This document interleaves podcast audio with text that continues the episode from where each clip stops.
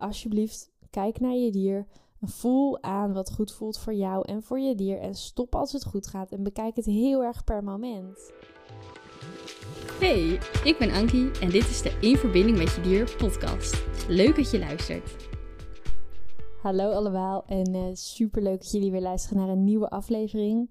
Ehm, ik heb even een kleine, kleine pauze gehad in het opnemen van podcasts. En dat is iets waar jullie helemaal niks van merken, want mijn uh, frequentie waarin ik de podcast, podcast online zet en upload is helemaal hetzelfde gebleven. Het is wel leuk, want uh, dit podcast ligt me zo erg. En ik heb zo het gevoel van yes, ik heb eindelijk mijn stem gevonden. Ik heb eindelijk een manier gevonden waarop ik kan delen wat ik wil delen met jullie.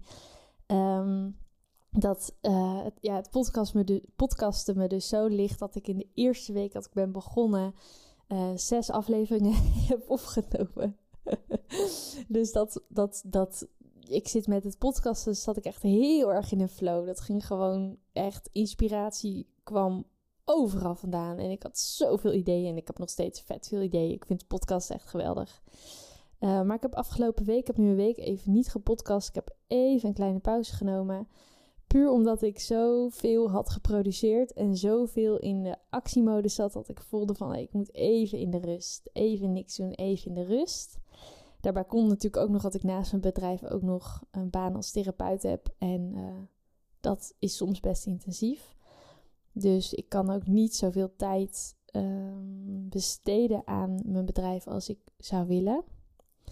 Maar goed, dat, um, dat is wat het is. En ik, weet je, ik hou ook heel erg van mijn baan als therapeut. Dus ik ben juist super dankbaar en blij dat ik dit met elkaar kan combineren.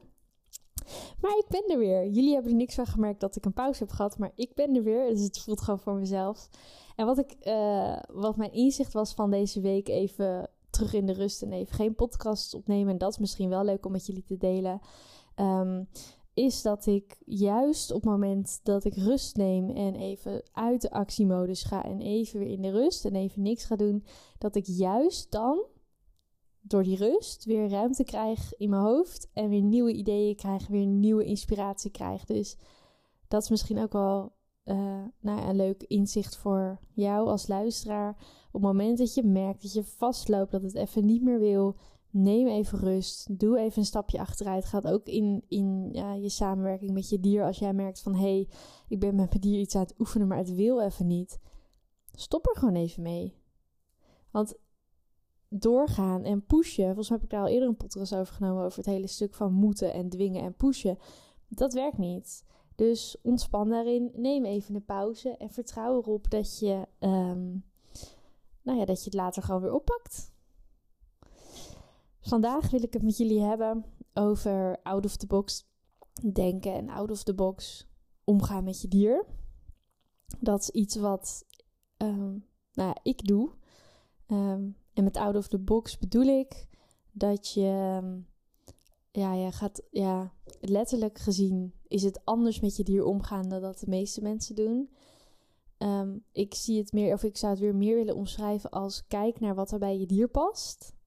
En voel ook vooral wat goed voelt voor jou en voor je dier. En ga dat uitvoeren. Ga dat uh, uh, uh, doen. Want um, wat ik veel mensen zie doen, is dat zij hebben aangeleerd om op een bepaalde manier met een dier om te gaan.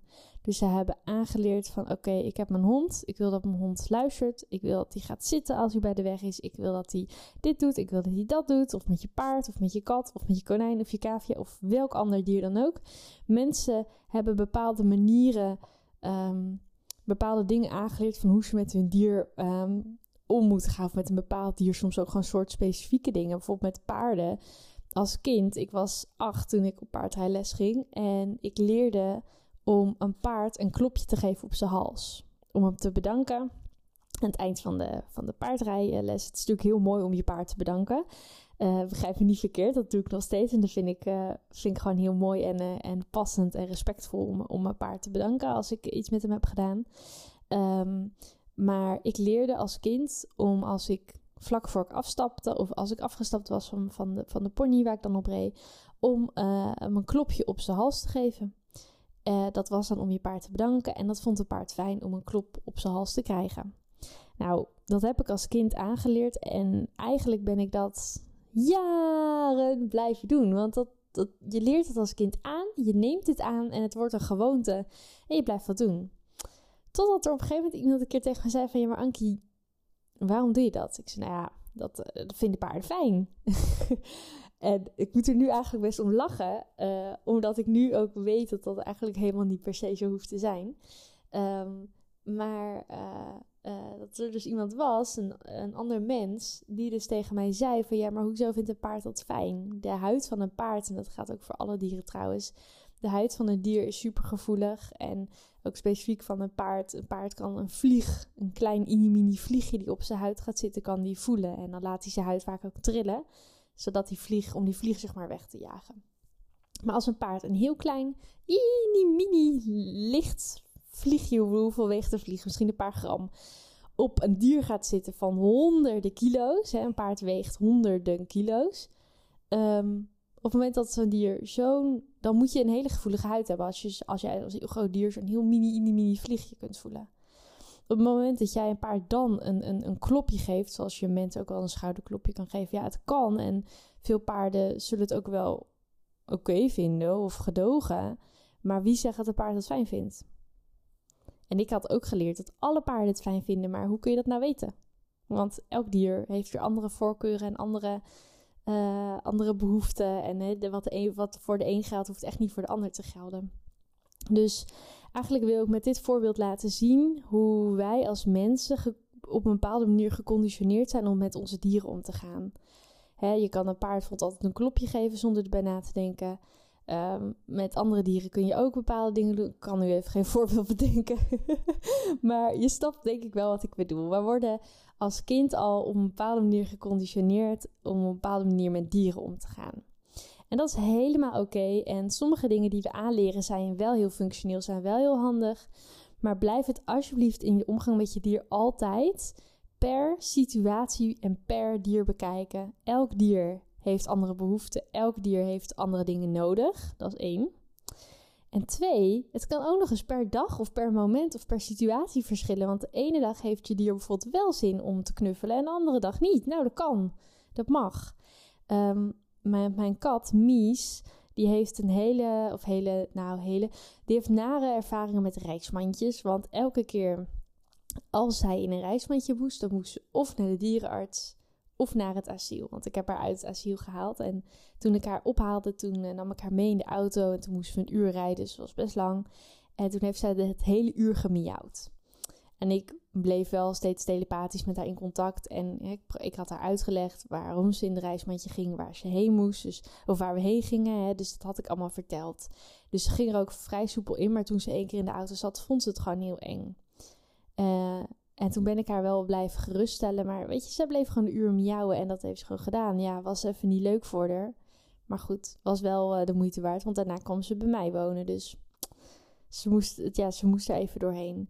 Maar ik vroeg toen aan haar: Goh, waarom vind je dit zo spannend? Waarom vind je dit zo eng?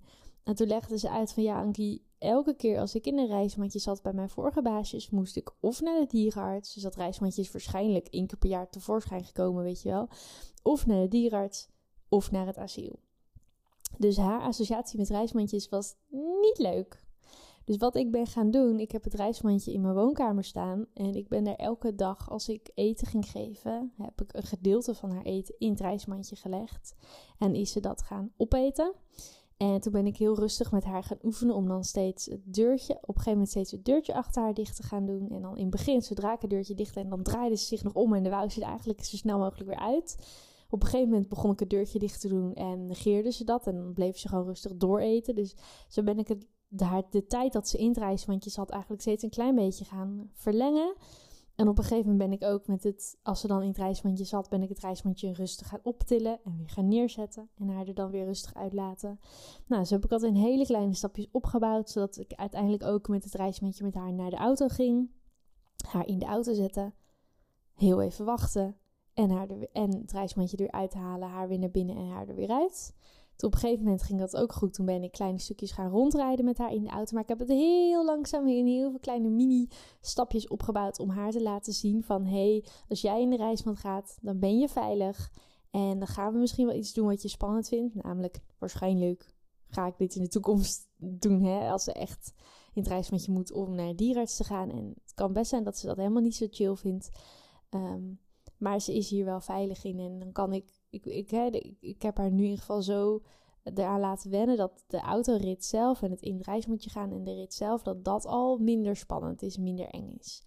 Maar ook in dit proces had ik wel eens dat Mies er geen zin in had, omdat het niet goed ging. Het is altijd een, een leerproces met, met vallen en opstaan, zeg maar. Dus als jij je dier iets wil aanleren of je wil een activiteit doen samen met je dier, ja, dat gaat altijd met ups en downs. En kijk alsjeblieft heel goed naar het moment. Denk niet, want dit is een fout die ik zelf heel veel heb gemaakt in de omgang met alle dieren om me heen. Ik dacht dan: oké, dit gaat goed. Ik doe hem nog één keer en dan stoppen we. Nee, nee, nee, Ankie. Hè, dit zeg ik nu ook tegen mezelf. Dit is even met de kennis van nu zeg ik dit tegen de Ankie van vroeger. Alsjeblieft, stop als het goed gaat. Ik heb een keer gehad dat ik met een paard reed en het paard wou niet oh, door een bepaalde hoek in de, in de bak waar we reden. Hè, dat is uh, voor de niet-paardliefhebbers, de bak is gewoon een stuk zand, zeg maar, afgezet waar je dan uh, kunt rijden. En dat paard wou niet op, op een bepaald stuk lopen, dat vond ze eng. En toen na drie keer daar langs rijden, ging ze er wel langs, wat ik van haar vroeg. En toen dacht ik, yes, dit is mooi. Maar in plaats van dat ik stopte, dacht ik, ik doe nog één keer en dan stoppen. Want je wil altijd stoppen als het goed gaat. Dan heb je er zelf een positieve herinnering aan. Heeft je dier er een positieve herinnering aan. Maar net die vierde keer, dat we dus nog net, dat ik dacht, oké, ik doe nog één keer en dan stoppen we. Wou ze er, natuurlijk niet meer doorheen. Dus dat was een heel gedoe, want toen konden we eigenlijk nog niet stoppen. Dat ik iets van, oh, eigenlijk moet ik dan nog even doorgaan. Wat helemaal niet handig was, want toen was de hele concentratie van het paard op. En het geduld ook. En dat paard had echt zoiets van: Ankie, wat doe je me aan? Ik heb hier helemaal geen zin in. Hou alsjeblieft op. Dus alsjeblieft, stop zodra het goed gaat. En dan, kijk, als je dat haalt in één minuut, dan stop je al na één minuut. En heel veel mensen denken dan: ja, maar dan heb ik niet genoeg gedaan. Nou, dan heb je maar even niet genoeg gedaan. Je hebt heel veel gedaan, want het lukt nu inmiddels al in één minuut. Super knap. Ehm, haal die druk eraf en bekijk het alsjeblieft per moment. Want het verschilt ook heel erg per dag. Dat heb ik ook in mijn werk. Hè, dit is dan even niet diergerelateerd, maar dat heb ik ook in mijn werk met de hoogbegaafde kinderen waar ik mee werk. Die kinderen hebben ook elke dag een ander humeur. En elke keer als ze komen weer iets anders. En ik heb heel vaak wel dat ik even van tevoren bedenk van... oké, vandaag wil ik dit of dat met ze doen. En dat hou ik wel in mijn achterhoofd. En dat kan ik ook wel voorstellen aan die kinderen. Maar ik heb regelmatig dat er kinderen zijn die zeggen: Ja, Ankie, leuk bedacht, maar dat ga ik niet doen vandaag. Heb ik echt geen zin in. En een kind kan het nog zeggen. En dan kan ik er naar luisteren. Een dier kan het tegen mij ook zeggen. Een dier kan het ook tegen andere mensen zeggen. En sommige mensen zullen dat wel zien of horen of aanvoelen. En andere mensen minder. Maar alsjeblieft, kijk naar je dier. Voel aan wat goed voelt voor jou en voor je dier. En stop als het goed gaat. En bekijk het heel erg per moment je moet, het is fijn als je daarin flexibel kunt zijn en in kunt schakelen. Want dan gaat je dier ook zien van hé, hey, als ik even geen zin heb vandaag, dan hoeft het niet. En dan word ik niet gedwongen om iets te doen wat ik niet wil. Dus ik denk dat dat uh, een hele mooie en belangrijk is. Dus ik ga de podcast stoppen, want volgens mij ben ik wel uitgekletst. En um, nou, ik ben benieuwd wat je ervan vond. Laat het gerust even weten. Dankjewel voor het luisteren en uh, tot de volgende aflevering. Leuk dat je hebt geluisterd naar de In Verbinding met Je Dier podcast. Vond je nou interessant? Deel hem dan vooral met anderen en laat mij weten wat je ervan vond. Wil je nou meer inspiratie en tips ontvangen? Volg me dan ook op Instagram, dierencoachankie. Tot de volgende!